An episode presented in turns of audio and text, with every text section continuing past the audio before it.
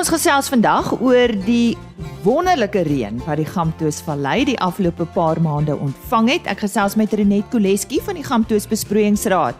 Ons fokus ook op die One Health konsep waar lewende hawe landbou, veeartsenykunde en die farmaseutiese bedryf gesamentlik 'n rol speel. Verder kry ons terugvoer vanaf die Afma Forum en daar's veilingnuus.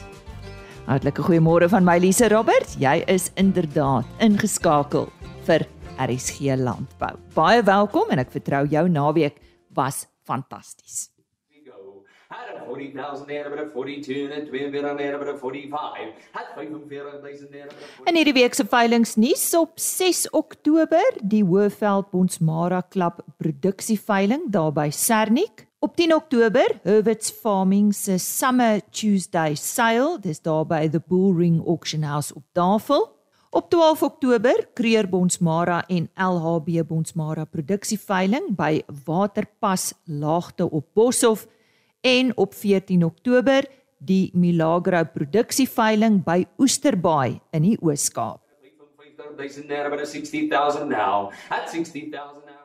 Ons het al talle kere op RC Landbou oor die Afma Forum gesels. Nou hierdie forum het plaasgevind vanaf 5 tot 7 September by Sun City. Terugvoer kortliks hieroor oor ons van Liesel Breitenberg. Sy is onlangs aangestel as die uitvoerende direkteur van Afma, een van die moderators by een van die sessies, Adel Rothman van Verback. Afma verteenwoordig die veevoervervaardigersbedryf van Suid-Afrika. We are here today at the 11th AFMA Forum that we are hosting in Sun City. Um, I'm currently talking with you from the exhibition hall where we have um, a large variety of ex- exhibitors today um, that have really gone above and beyond to do a world class exhibition. And we have about more than 40 exhibitors today, um, and it is an absolute buzzing and exciting experience to be here. Our theme for this forum is um, Feed and Food, the fourth agricultural revolution. And um, it's important for us to establish that animal feed is such an important and integral part of the food chain. Um, so, in addressing this theme, um, we also establish that. But it's also uh, an era where we are in the moment with a lot of challenges that we have in the feed industry, um, not uniquely so to the f- uh, feed industry, but also addressing sustainability issues um, and the technology that we have available to us, how to use that and incorporate that in our businesses, and to move forward and to grow as an industry. So the program really expresses that in a, in a very unique way. We have got world class speakers that we are hosting here today, almost 30 international as well as local speakers. Um, that's in various sessions um, addressing sustainability issues, precision nutrition issues, um, and also making sure that we have ways to address that technology in our feed mills um, and making use of that advances um, to do growth and to move forward. I am very excited for the new journey that lies in, ahead of us um, in this new position as executive director. It gives me really a platform to make a difference, and I'm very excited to be able to do that with my team at AFMA. And um, all the support that we have from our members is um, very, very unique, and I'm very appreciative of that. And yes, this is only the 11th AFMA Forum, and we are definitely looking forward to already start planning for the next one that will happen in three years' time. Um, and um, I really wish that everybody would join us and um, continue on this very successful journey um, of putting the whole industry together and really relying on each other and the network that we have with each other to grow our industry. I'm Adele Rothman and from Verbeck, and I was the moderator at session four on day two of the AFMA Forum 2023. And we had some very, very interesting speakers, an interesting lineup. Our first speaker was Dr. Ida Linde, and uh, she focuses on feed additives um, and its role and its effect on the rumen microbiome and small intestine. And she gave us some great insight on into the possibilities with probiotics to enhance efficiency in the rumen. It's becoming more and more important as we enter the fourth agricultural revolution uh, to not only look for alternatives to AGPs and ionophores, for example, but also to improve the efficiency of our ruminants. And um, not only from the rumen perspective because we as nutritionists um, tend to focus only on the rumen, but also post-ruminal health. Uh, and our second speaker was Dr. Dana Tomlinson, um, who spoke about an exciting new frontier in dairy nutrition uh, called isoacids. Um, and it's also, yeah, it, he showed us that it maximizes microbial protein digestion and NDF digestibility. Uh, same with uh, our third speaker, Dr. Irene Brown Crowder. And she just emphasized again the role of rumen protected lysine and methionine products together with rumen protected choline chloride to improve ruminal health and um, efficiency. And then a very exciting research came from Mark Hall. Uh, he spoke about gluconic acid, and that's where, once again, post ruminal health comes to play, where uh, gluconic acid is used as a prebiotic to improve volatile fatty acid production and post ruminal health. En so gesels Adel Rothman van Verbeck. Sy was een van die moderators van een van die sessies en voor dit ook Liesel Rautenbach. Sy is die uitvoerende direkteur van Afma.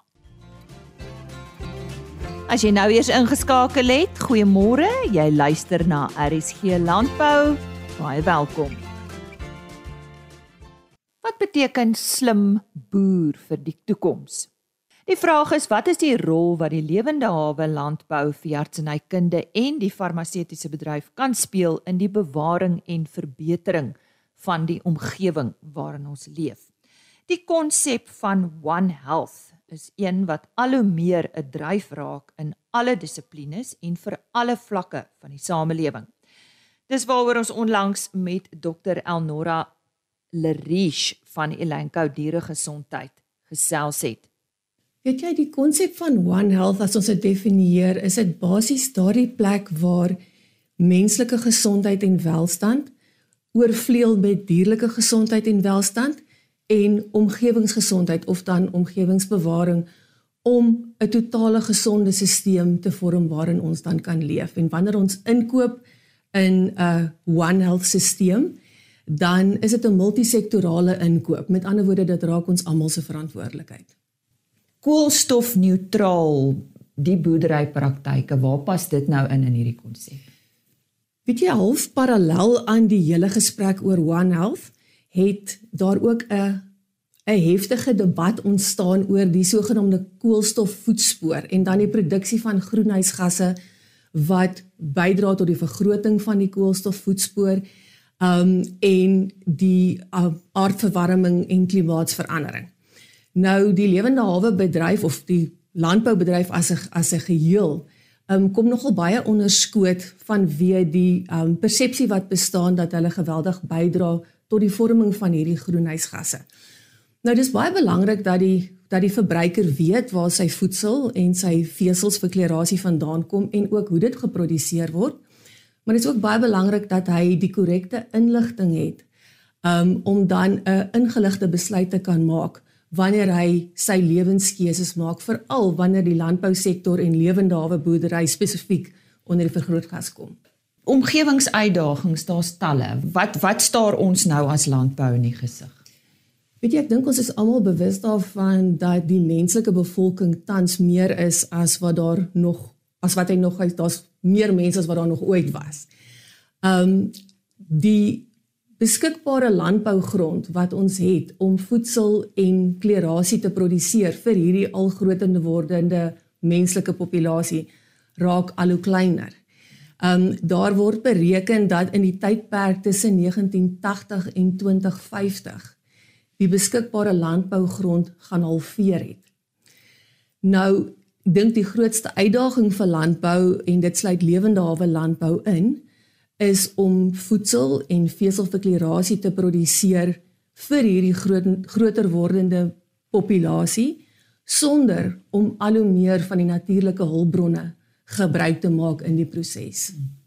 Ons hoor gereeld die woorde kweekhuisgasse of groen gasse of wat ons meer moet uh, bewus wees van dit wat in omgewing gebeur. Lewer die lewende hawe bedryf as 'n industrie werklik so 'n massiewe bydrae tot die produksie van groenhuisgasse? Die som wat gemaak word oor die produksie van groenhuisgasse is 'n baie komplekse een. Daar's baie navorsing gedoen. Sommige navorsing bewys dat daar 'n geweldige bydrae gelewer word deur die lewende hawe bedryf dan spesifiek.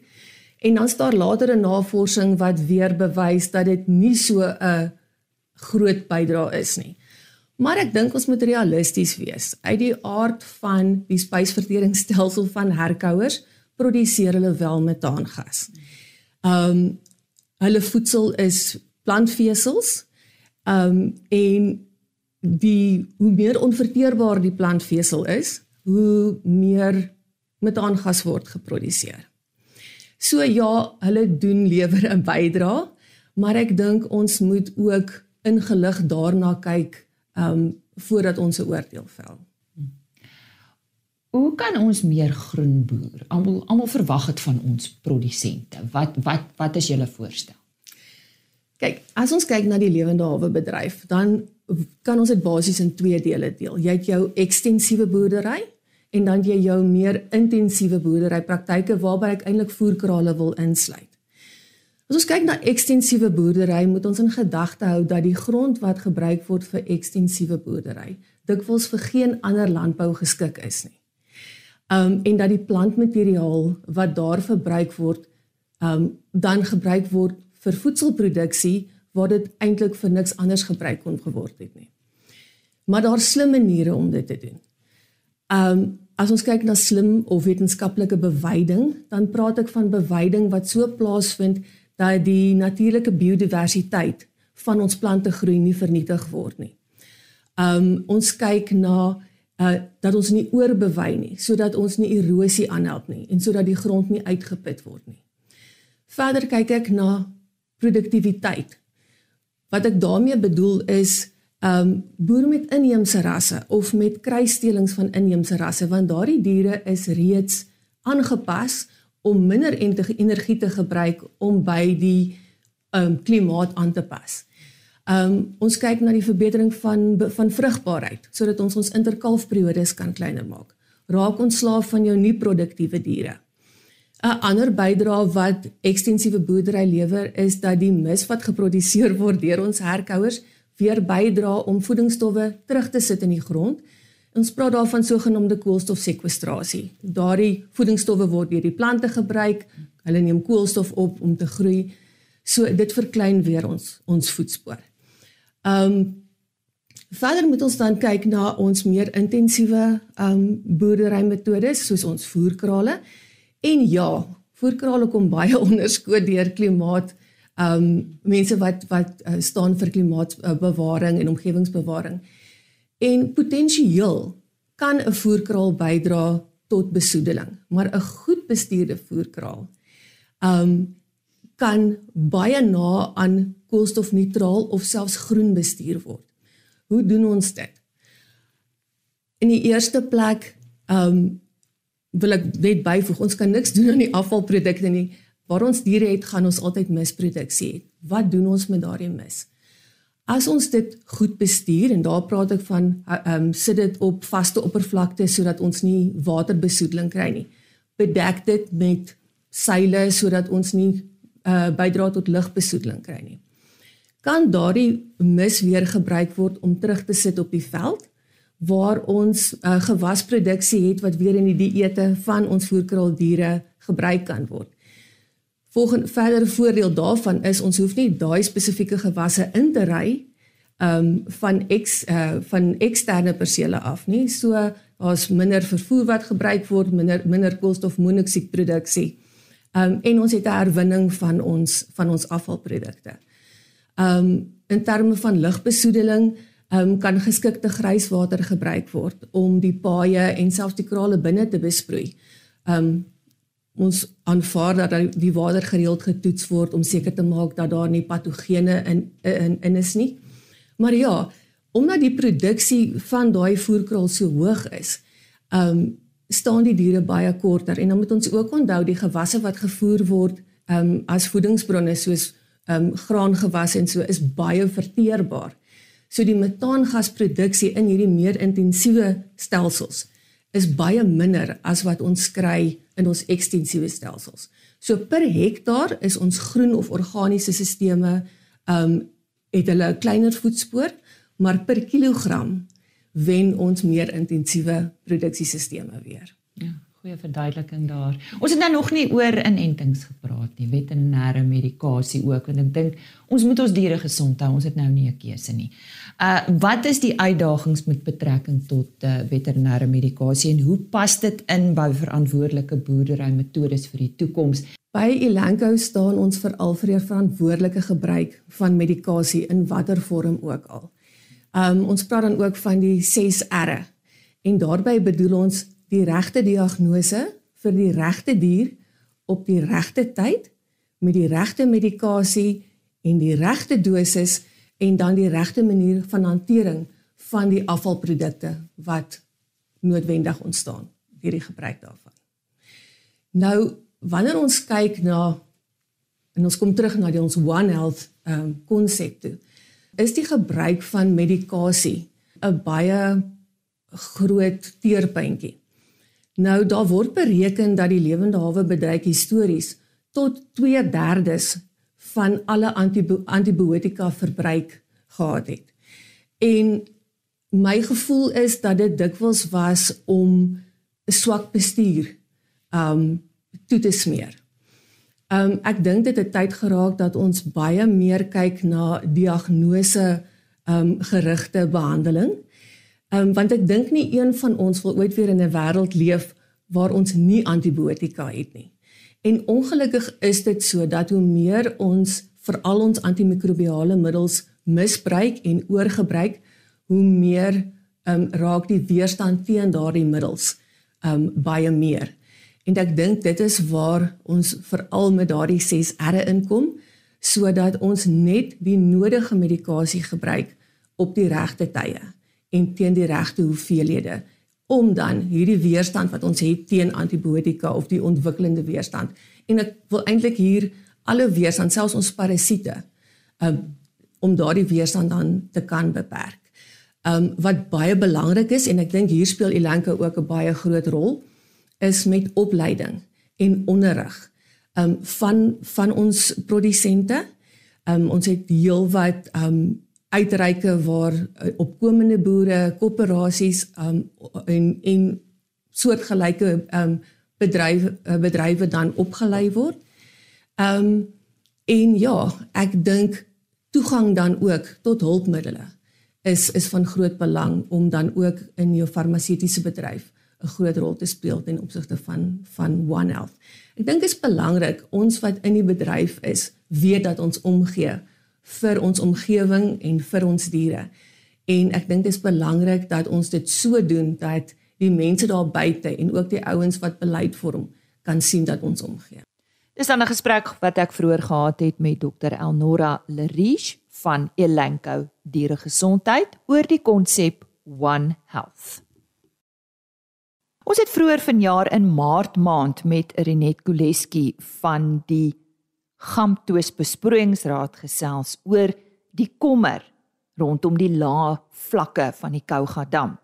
Nou hierdie dam voorsien water aan landbou in daardie vallei of area en nou ook aan die metro, die Kebega metro.